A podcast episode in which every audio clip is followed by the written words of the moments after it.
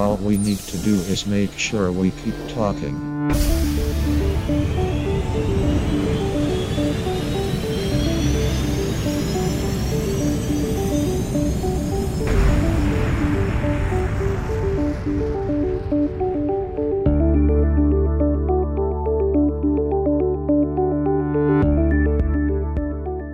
Przy mikrofonie Borys Kozielski, witam serdecznie w kolejnej bonusowej audycji z serii Nauka XXI wieku. Dzisiaj udało mi się zatrzymać przy mikrofonie pana profesora, doktora habilitowanego nauk medycznych Henryka Skarżyńskiego. Dzień dobry ponownie. Dzień dobry, witam pana, witam państwa. Bo w tym cyklu audycji chciałbym, żeby pan nam opowiedział, jak to się stało, że pan się zainteresował nauką, medycyną, bo, bo tak na ogół to nie wiemy, jak to się stało. Nagle ktoś e, ma strasznie bogaty życiorys, tak jak pan profesor. No, jeśli spojrzymy w Wikipedię, to tam właściwie gęsto jest bardzo od różnych nagród samych nawet, mm, ale osiągnięcia, które e, niesie ze sobą nauka i, i pana działalność, e, no to, to jest leczenie ludzi, czyli, czyli ozdraw, ozdrawianie tych ludzi. To jest coś niesamowitego, coś, co wpływa bezpośrednio na jakość życia każdego takiego pacjenta. Jak to się stało, że pan się zainteresował medycyną, słuchem? Rzeczywiście moją pierwszą miłością nie była medycyna, była historia i tak jest do dziś. Wykorzystuję ją również w medycynie, gromadząc materiały historyczne, patrząc przez pryzmat y, rozwoju, historyczny rozwój e, pewnych y, możliwości leczenia, pewnych terapii. Ta historia bardzo porządkuje moje myślenie, pozwala oceniać pewne zjawiska nie przez pryzmat tego, co słyszałem wczoraj, przedwczoraj, tylko co działo się przez wieloma, wieloma laty. Y, wpływ na y, zainteresowanie historią mm, chyba było, mm, było miało mm, przeczytanie trylogii. Pewnie nie, nie byłem ani pierwszym, ani ostatnim, ale przeczytałem ją w wakacje po pierwszej klasie szkoły podstawowej. Moje starsze rodzeństwo nauczyło mnie wcześniej czytać i pisać. Dzisiaj to jest oczywiste, ale wtedy tak nie było. No i nudząc się, e, zacząłem to czytać, a potem tym żyć. No, tymi przeżyciami, y, których nie do końca rozumiałem jeszcze wtedy, zwłaszcza tych zjawisk politycznych dotyczących ówczesnej Rzeczpospolitej. E, do dziś zgłębiam i okres pierwszej Rzeczpospolitej jest dla mnie bardzo fascynujący y, i ciągle dowiaduję się czegoś nowego. Potem te wątki historyczne przeszły już do szkoły podstawowej, y, średniej. Starałem się przeczytać wszystko, co możliwe na temat pewnych zdarzeń, wydarzeń, faktów. Dla mnie nie, nie, nie, nie, nie, nieistotne było, kiedy była bitwa, tylko jak usytuowane były armie, które występowały naprzeciwko siebie, kto gdzie był, na jakim skrzydle, jak uzbrojony. No już mógłbym wchodzić w cały szereg detali, e, co zawsze wywoływało e, pewne e, radości u koleżanek i kolegów, bo jak padało pytanie, to wiedzieli, że połowa lekcji będzie przez, przeze mnie wypełniona. Medycyna, znaczy interesowałem się biologią i gdyby... Bo to dość odległe y, chyba od biologii. Tak, tak, mhm. tak. Ale taki, taki moment był w połowie liceum ogólnokształcącego, gdzie trzeba było wybrać fakultety, czy to ma być fakultety humanistyczne, czy biologiczno-fizyczne. Akurat tak się to zbiegło, że czytając o różnych przypadłościach królów, władców, ważnych postaci przewijało się zjawisko stawiania pijawek. W klasie e, padło pytanie, czy ktoś będzie chciał się przygotować do, do olimpiady biologicznej. Ja się zgłosiłem oczywiście, e, że tak. No i zacząłem przez całe wakacje przygotowywać się do, do tego eksperymentu z pijawkami. A ponieważ nieraz y, gdzieś tam moja noga znalazła się w jakimś bajorku, w którym pijawka się przyczepiła, może nie tak, żeby od razu wypić, ale, ale, ale, ale nie było mi to obce. No i pewne doświadczenia skojarzone z historią to były te dwa, dwa momenty, które mhm. potem miały wpływ na wybór, plus tam oddziaływanie rodzinne na to, żeby jednak pójść na medycynę. Jak już na się, w niej się znalazłem, to z kolei patrząc, y, gdzie ja się odnajdę w medycynie, zacząłem y, widzieć siebie y, w specjalnościach zabiegowych. Od najmłodszych lat ja mm, robiłem sobie zabawki różne. Bardzo e, lubię coś w drewnie e, robić. I to poka, poka uświadomiło mi e, pewne możliwości, pewną, pewną sprawność. E, potwierdziłem to na, pierwszych, e, na pierwszym roku podczas zajęć z anatomii prawidłowej, a to jest anatomia człowieka, preparowanie naczyń, nerwów, poznawanie struktur połączone z kolejną, kolejnym zainteresowaniem niewykorzystanym do, do dziś, ale mam, to gdzieś tam głęboko we mnie siedzi z, z umiejętnością rysowania. Ja wtedy rysowałem atlasy i to nie atlasy, gdzie przebiega naczynie, tylko takie przekroje. Dzisiaj to jest bardzo mhm. proste, bo mamy tomografię komputerową, możemy e, przekroić głowę, Zdjęcie, ręce, no. tak, i zobaczyć to na zdjęciu. Wtedy takiej możliwości nie było. Było proste zdjęcie, gdzie było widać, że albo jest kość, albo jej nie ma, albo jest złamana, albo jest cała. Natomiast ja przecinając Y, przed ramię czy podłudzie sobie wyobrażałem na różnych wysokościach, gdzie y, się znajdują mięśnie, żyły, tętnice, nerwy. Y, I to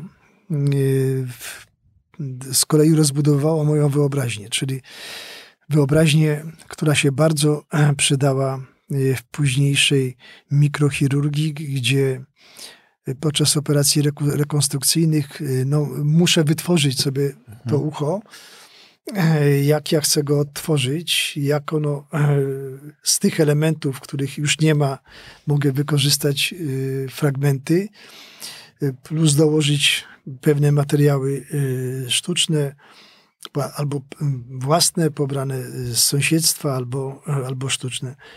Tak rozwinęła się mikrochirurgia ten rozwój umiejętności mikrochirurgicznych też był podyktowany tym, że mikrochirurgia to jest, e, człowiek jest sam. E, operacja moja polega na tym, że e, pochylam się nad uchem, mam mikroskop, operacyjny i owszem, może ktoś być, ktoś mi podaje narzędzia, jeżeli to jest podawane sprawnie, to ta operacja jest sprawniejsza, ja nie muszę mówić, ja tylko odchylam dłoń i już dostaję narzędzie, bo e, koleżanka widzi na ekranie, na jakim etapie jestem operacji, a ponieważ wykonuję ich kilkanaście dziennie, to, to ona doskonale wie, y, który to jest etap, który to powinno być narzędzie, to jest to bardzo ułatwia jest, było ogromnym zaskoczeniem dla wielu osób, które oglądały moje operacje pokazowe. Że pan nic nie mówił. Tak? Że ja nic, że nic nie mówię. Mało tego. E, mówiąc, y, jednak cały nasz organizm drga.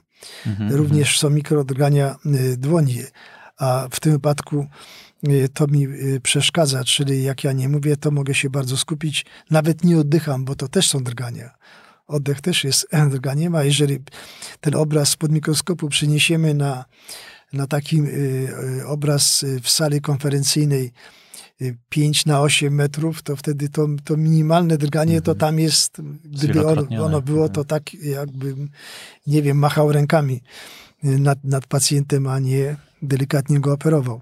Także... A jakie to są właśnie wielkości? To są rzędy dziesiątych milimetra? Mówimy o, y, o rzędach y, milimetrowych, dziesiątych milimetra czy setnych milimetra, mhm. stąd dla mnie ma znaczenie, czy ja wkładam protestkę o średnicy 0,42 mm czy 0,47 mm. Czy urządzenie pierwsze kanały wszczepionego implantu to jest 0,4 mm czy 0,55 mm. bo to decyduje o tym, y, żeby zachować to, co tam jest, co jest sprawnego, żeby zachować e, strukturę nienaruszoną, a jednocześnie, i to jest gwarantem jak gdyby odzyskania tego, co utraciliśmy, a jednocześnie, co jest ogromnie ważne, że jeżeli my wszczepiając coś, zachowamy całą budowę ucha nienaruszoną, to zachowujemy szansę na zastosowanie przyszłych technologii. Dzisiaj mogę powiedzieć mamie rocznego dziecka, ono jest niesłyszące, jeżeli nie wszczepimy implantu, nie rozwinie swojego słuchu, nie rozwinie mowy.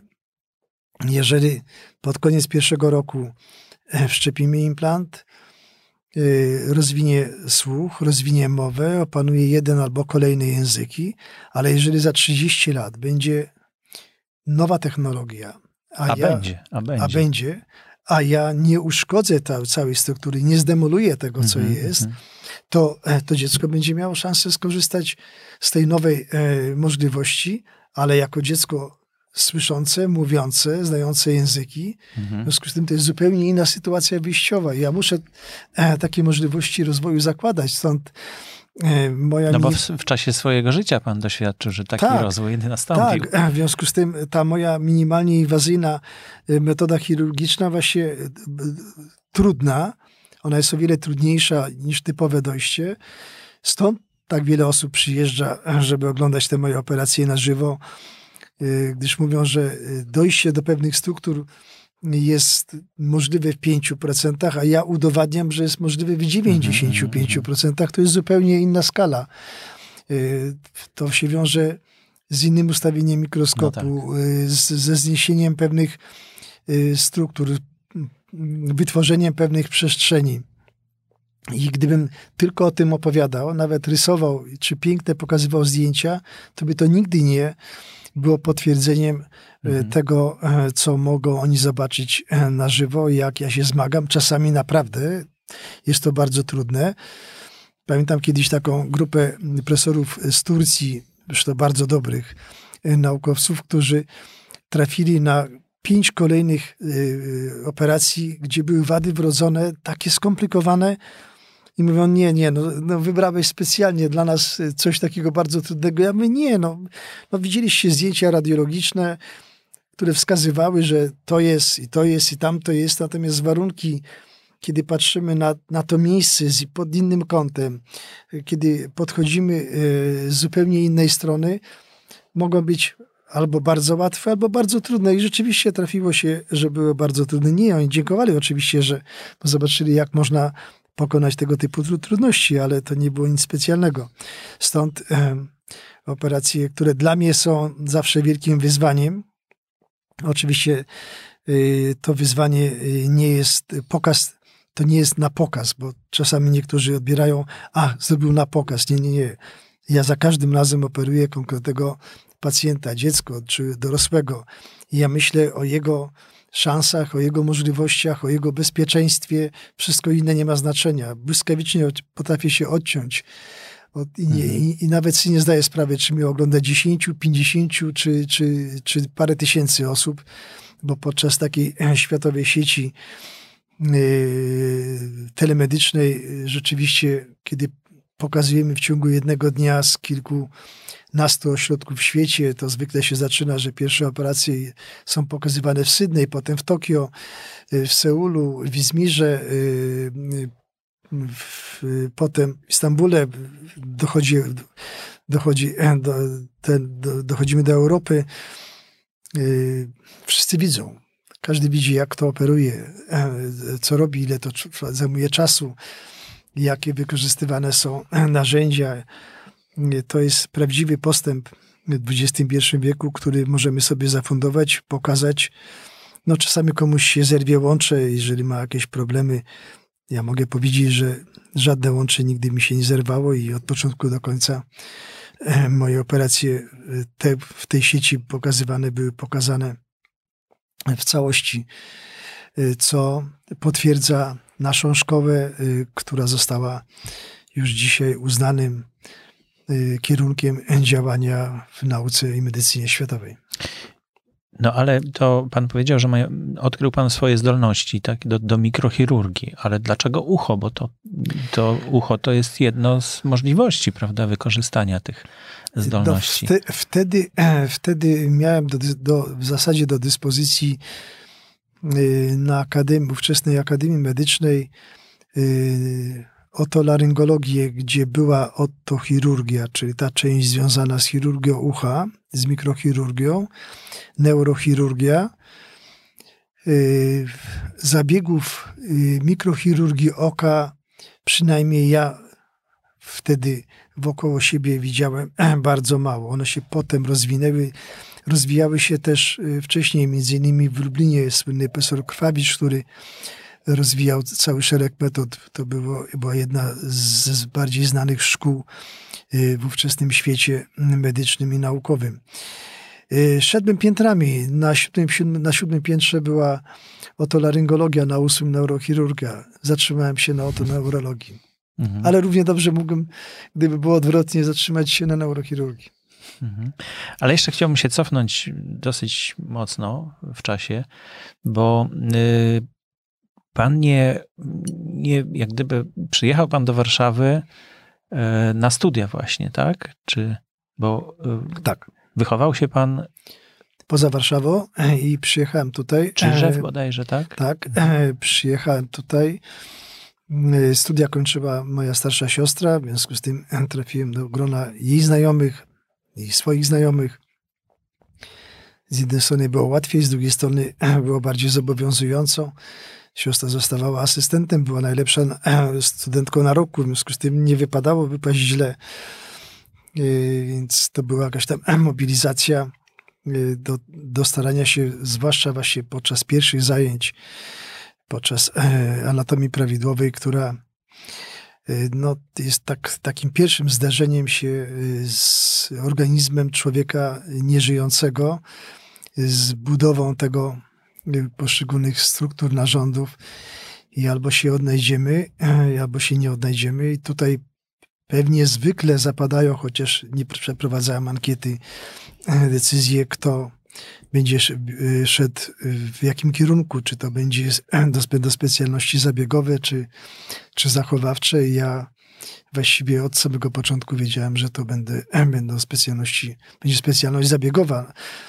Y, to po pierwsze. Po drugie, mm, y, szukałem miejsca dla siebie. I tutaj mikrochirurgia bardzo wcześnie, jeżeli jest się do tego przygotowanym, daje możliwość samodzielnego decydowania przy innych operacjach, zwłaszcza wtedy wykonywanych dużych operacjach na otwartej klatce piersiowej, mhm. jamie brzusznej, y, zwykle był operator pierwsza, druga czy nawet trzecia asysta, a zatem to otoczenie mogło pomagać i wpływać. W przypadku mikrochirurgii jest się samemu. Jeżeli to jest wyzwanie, ja to wyzwanie między innymi pokonałem w ten sposób, że bardzo wcześnie zgłosiłem się e, do e, odtworzenia banku materiałów własnych, kosteczek słuchowych i błon bębenkowych. Taki on istniał w ówczesnej klinice wcześniej, potem, e, potem przestał, jak zmarł poprzedni szef istnieć. Ja zacząłem to odtwarzać.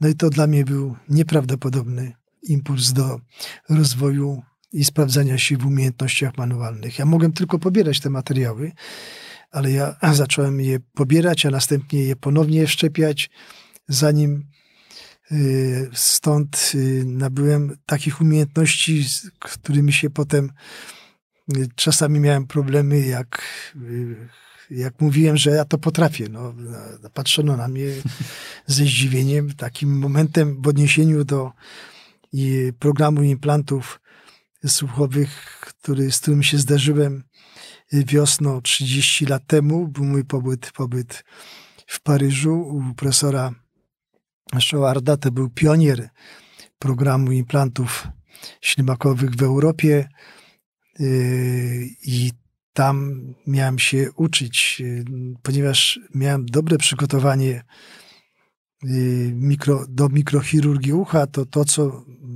miałem zrobić na preparatach przez tydzień, zrobiłem w trzy godziny, bo to było dla mnie oczywiste. Robiłem, zrobiłem tego ponad tysiąc na preparatach w swoim ośrodku, zanim pojechałem. No, wywołało to pewne wzburzenie i wręcz podejrzenie, że ja oszukuję, co nie było wcale Mhm. takie miłe, bo e, pan profesor był osobą stanowczą, wybuchową, no, nie, nie uznającą sprzeciwu ani właściwie kompromisu. Stąd dyskomfort był tak wielki, że bałem się, że w ogóle zostanę wyrzucony y, z tego ośrodka i nie zapoznam się z, z tym wszystkim. Musiałem y, dosłownie na jego oczach Udowodnić, wykonać na kolejnym preparacie, że potrafię zrobić taką operację. Ja go rozumiem, bo rzeczywiście jak obserwuję dzisiaj, a dziś mamy w Światowym Centrum unikalne możliwości ćwiczeń symulacyjnych na specjalnych pre- y, preparatach przygotowanych na programach wgranych, czyli bierze, bierzemy narzędzie i mamy wrażenie, że to jest prawdziwe narzędzie. Ono ma takie opory, jak daje tkanka Mhm. kostna, tkanka miękka i można wykonać operację, e, przechodząc między różnymi strukturami. No ja to e, miałem do dyspozycji preparaty e, prawdziwych kości, z których brałem materiały do przeszczepów według zasad, jakie wtedy obowiązywały. I to dało mi to, no, to wie- wielkie podstawy do tego, żeby później móc się swobodnie poruszać. I do dziś na tym bazuję. Do dziś daję to, mimo że mam za sobą ponad 210 tysięcy operacji poprawiających słuch, to, to ciągle bazuję na tych y, podstawach, które z, y, wypracowałem we wczesnym okresie mojej kariery zawodowej. Mhm. A jeszcze bym chciał wrócić do mm, tej małej miejscowości, do Czyżewa. Ja, ciągle mnie to fascynuje, że z, z różnych miejsc y, w kraju, takich wydawałoby się e, słabo naukowo e, wyposażonych e, i też w słabą edukację, docierają ludzie do takich sukcesów, jakie pan osiągnął. Jak pan ocenia, czy pan był piątkowym uczniem w szkole podstawowej? Y, E, Tak, co- co wpłynęło na- na ten taki rozwój? Byłem, Mhm. Miałem same piątki, y, na koniec miałem jedną czwórkę y, z, z wychowania muzycznego i y, dyrektor, który dożyje do dziś, y, jak się spotykamy, no spotykamy się przy grobie y, swoich rodziców, moich rodziców i jego rodziców, mimo że jest e, w bardzo podeszłym wieku, y, to śmiejemy się, y, dlaczego była e, ta czwórka w sytuacji, gdy moje koleżanki wcale lepiej nie śpiewały.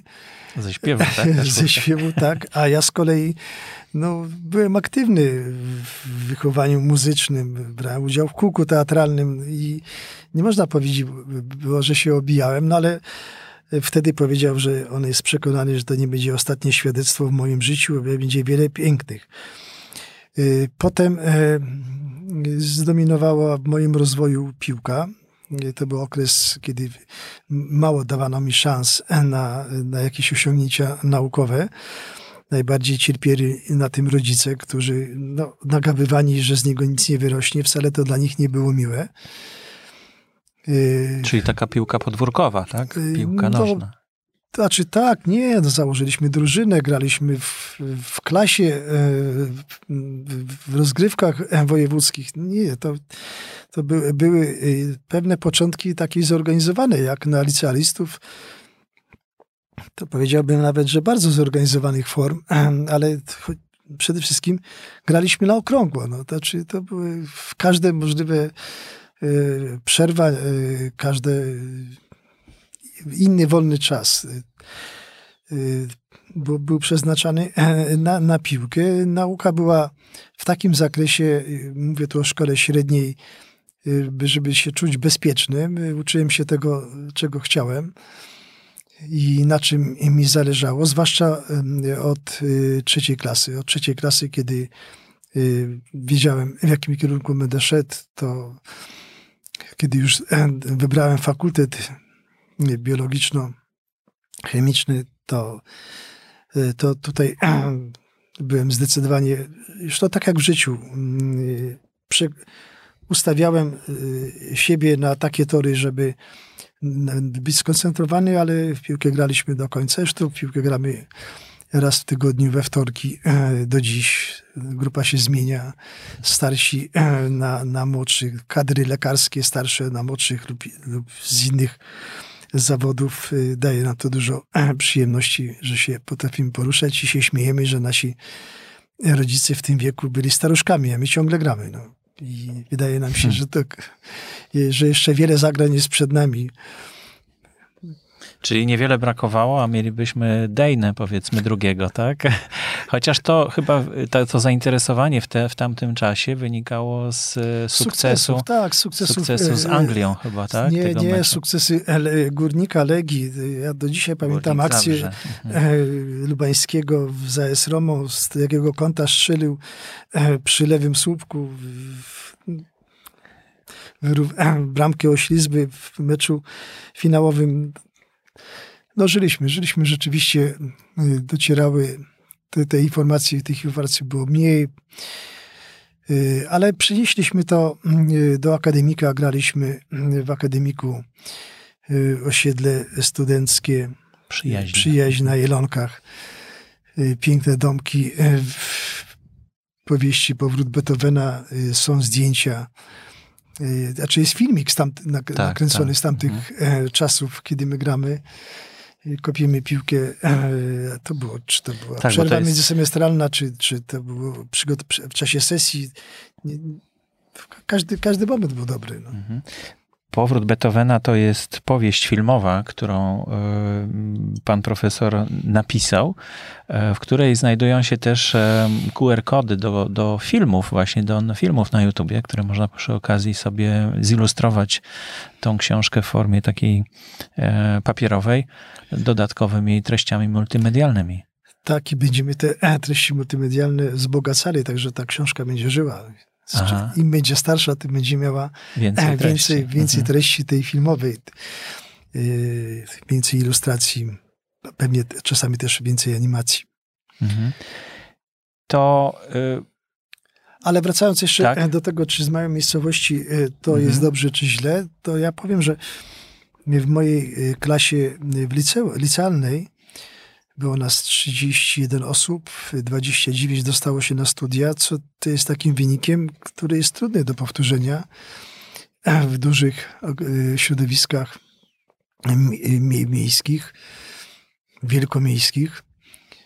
I to też e, pokazuje pewną determinację, jak, jaką się odznaczaliśmy wtedy wszyscy. I w tamtym pokoleniu i w tamtym środowisku ja wspominam 73 y, rok, kiedy właśnie na stacji mojej miejscowości Czyże wsiadam do pociągu i spotykamy się z gronem koleżanek i kolegów z klasy, którzy jadą na różne uczelnie warszawskie i pozawarszawskie, ale przez Warszawę. Takie miłe spotkanie do dzisiaj pamiętamy, jak sobie życzyliśmy, żeby nie wracać zbyt szybko. To znaczy, żeby się utrzymać przynajmniej na pierwszym roku, a potem jakoś mhm. będzie. To było wyzwanie, ale okazało się, że sprostaliśmy i dziś spotykamy się jako przedstawiciele różnych zawodów, w tym wiele, wiele osób z zawodów medycznych. Czyli takie ukierunkowanie dziecka na naukę samo to, to nie jest dobry pomysł chyba przy wychowaniu dzieci, tak? Bo z tego, co pan mówi... Nie, nie, nie, wiedziałem, że pan taki Nie, nie, no to też, też, też tak się zastanawiam, co, co można słuchaczom podpowiedzieć, tak? Mają swoje dzieci i zastanawiają się, czy zabraniać im na przykład grać w piłkę, tak? Pan no, przykład pokazuje, że chyba nie ma sensu, prawda? Że to y- samo się jakoś ułoży.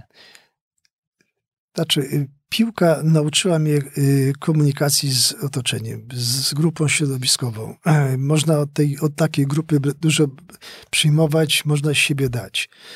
E, grałem zawsze w takich pozycjach i no trochę, nie chcę tutaj się przechwalać, ale e, trochę dominowałem w tych różnych pomysłach wtedy, co przynosiło się przez kolejne lata mojej aktywności uczyło pewnej odpowiedzialności za to, co robię, za to, co mówię.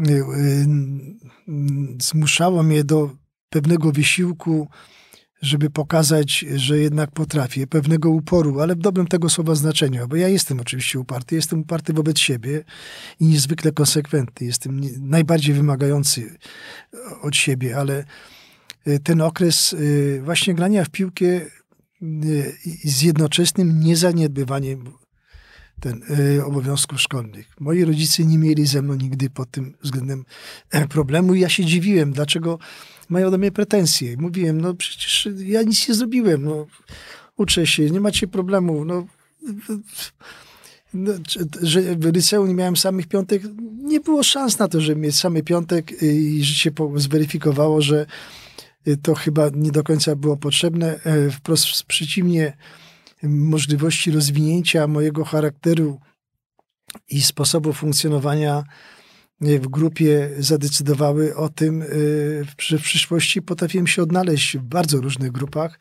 Potrafiłem, potrafiłem zainicjować pewne przedsięwzięcia y, od podstaw, no, czego przykładem takim najbardziej namacalnym jest Światowe Centrum Słuchu, największy w świecie ośrodek y, tego typu, który sobie wymarzyłem. Właśnie 30 lat temu, wyjeżdżając z Francji po, po szkoleniu, zrobiłem pierwszy folder takiego ośrodka, jak, jak ja chciałbym, żeby on był.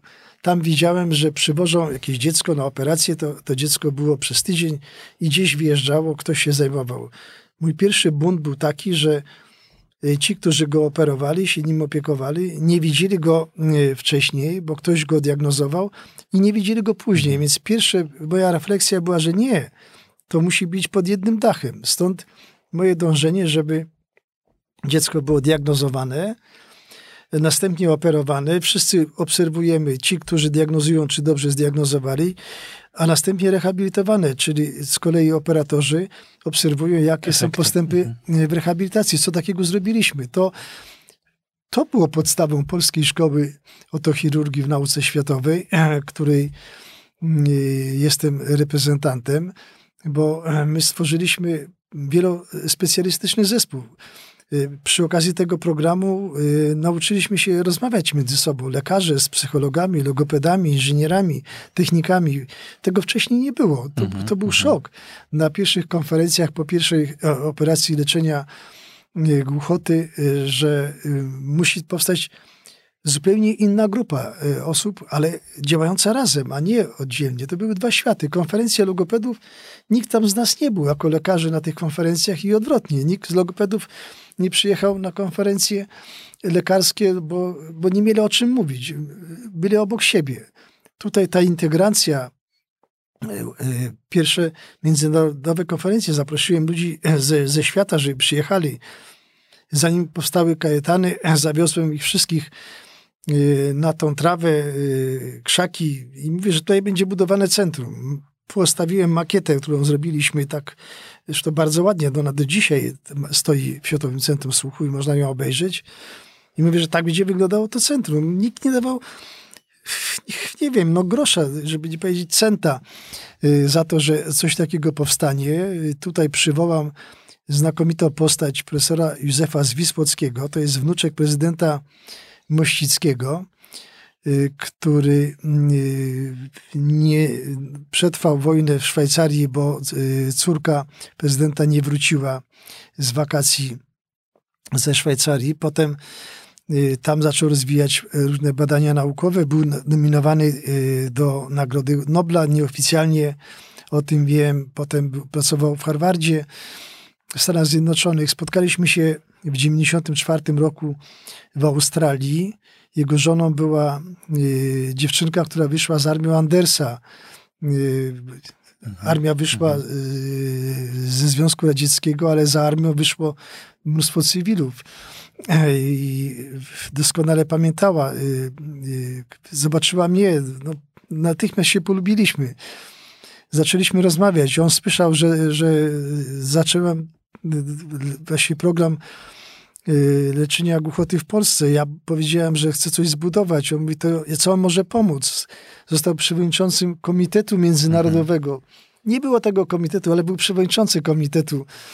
E, poszliśmy do ówczesnego premiera e, świętej pamięci Józefa Aleksego, i, że jest Międzynarodowy Komitet mhm. który wspiera nasze przedsięwzięcia, że no, chcemy zbudować coś takiego. No, nikt nie słyszał, żeby jakaś grupa przychodziła, paru osób i mówiła, że szpital chce zbudować. No, dziś te możliwości są zupełnie inne.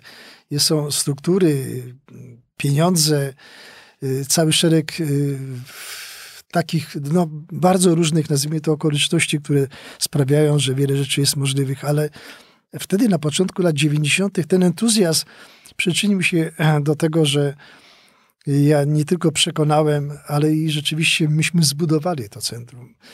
Jak kolejni ministrowie zdrowia zaczęli odwiedzać, y, początkowo, kiedy były same mury, pamiętam y, jednego z ministrów pamięci, świętej pamięci Franciszkę e, Cegiersko, która przyjechała z delegacją i mówi, ale zaraz, to jest, gdzie jest ta konferencja? Ja mówię, no tu jest ta konferencja. No ale tutaj nie ma okien, nie ma drzwi. Ja mówię, no tak, bo one będą. Dzisiaj jest, jest, jest no takie tak. ściany, mhm. jest piękna pogoda. No i w tych ścianach była konferencja z udziałem gości zagranicznych. A największe wrażenie było wtedy, kiedy e, weszliśmy na patio, które w tym stanie jest do dziś, e, mimo że upłynęło 20 lat. E, I tam kwitły róże i była pięknie przeszerzona trawa. I pani minister mówi, panie profesorze, no nie no, to to już zakrawa w ogóle. Przecież jak będziecie chcieli wstawić te okna, drzwi, to wszystko no, zacząć wykańczać, to, to to wszystko będzie zniszczone. Ja mówię, nie, pani minister. My nie mamy pieniędzy na te okna, stąd y, zaproszenie dla pani minister. My nie mamy pieniędzy na, na drzwi, e, ale stać nas było na to, żeby posiać trawę i my ją kosimy sami, bo tak będzie wyglądało wszystko. Tak jak te mhm. piękne róże, które to kwitną. No, była bardzo tym zachwycona. Rzeczywiście, gdyby żyła, myślę, że o rok wcześniej byśmy otworzyli Y, centrum, y, ale nie było jej dane. Ale to było pokazywanie mm, pewnego etosu pracy, pracy, współpracy, takiego pozytywnego działania, żeby pozostawić ślad po sobie. I to się wzięło gdzieś z tych lat młodzieńczych, właśnie z tej piłki, z tej umiejętności nawiązania kontaktu z różnymi osobami, bo w tą piłkę grali tacy, którzy potrafili grać i tacy, którzy byli potrzebni jako statyści, ale potem dziękowali mi, że że mogli zagrać. No, mhm. Kiedy tam spotykamy się czasami na cmentarzu, to mówię, ja pamiętasz jak graliśmy piłkę? No tak, no, ja, ja nie umiałem, ale to, że mogłem postać, jak ty biegałeś, to było dobrze. No, więc okazuje się, że nigdy nie wiemy, co pozostanie mhm. i to, co pan zwrócił uwagę, czy dzisiaj młodemu pokoleniu trzeba powiedzieć, że mają siedzieć e, z nosem w książce, w internecie, czy w czymś innym.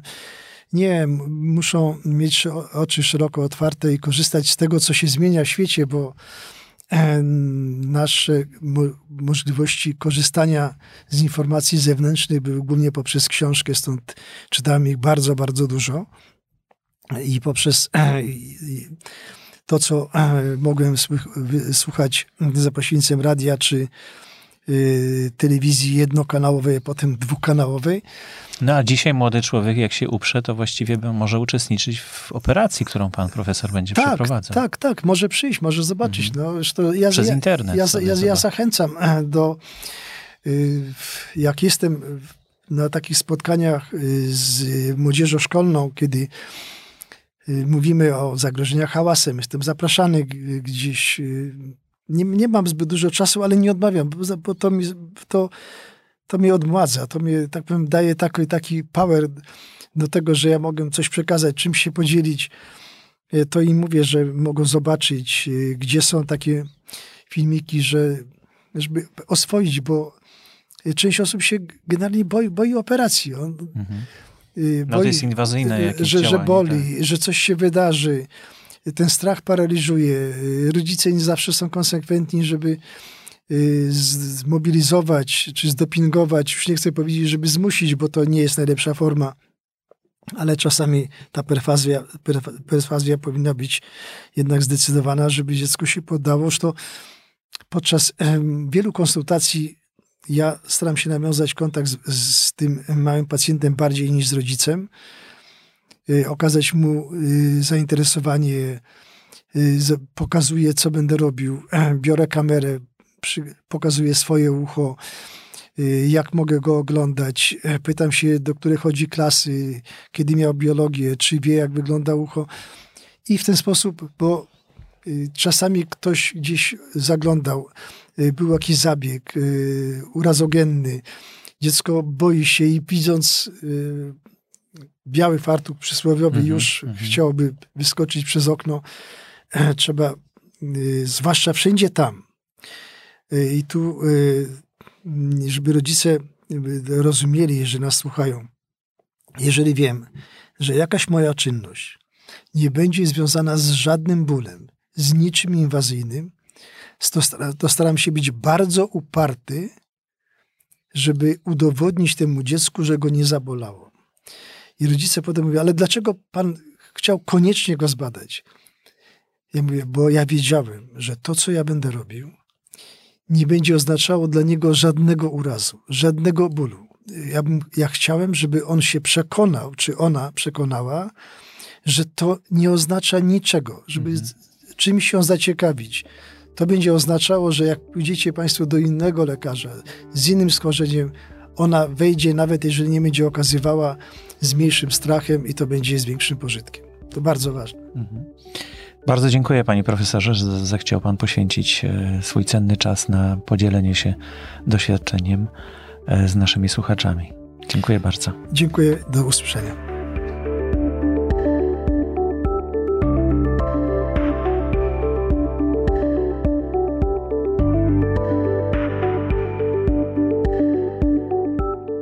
Był 118 odcinek podcastu z serii Nauka XXI wieku. Zapraszam na stronę podcastu na Facebooku.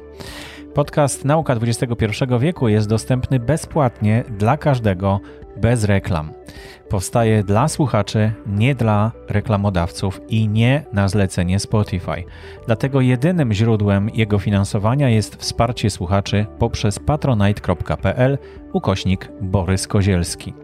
Moją misją jest przenieść słowa tych, którzy mają wiedzę i doświadczenie, do tych, którzy chcą wiedzieć.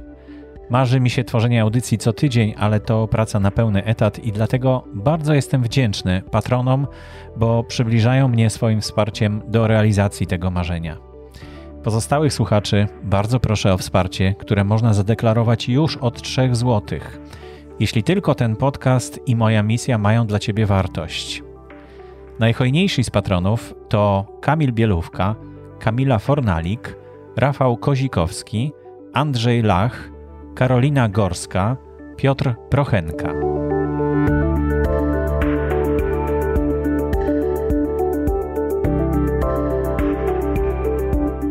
Podcast Nauka XXI wieku istnieje od 2010 roku. RSS i linki do subskrybowania znajdują się na stronie pod.link ukośnik nauka oraz w notatkach do podcastu. Wszystkie odcinki podcastu, także te przeznaczone wyłącznie dla patronów, dostępne są w Patronite Audio.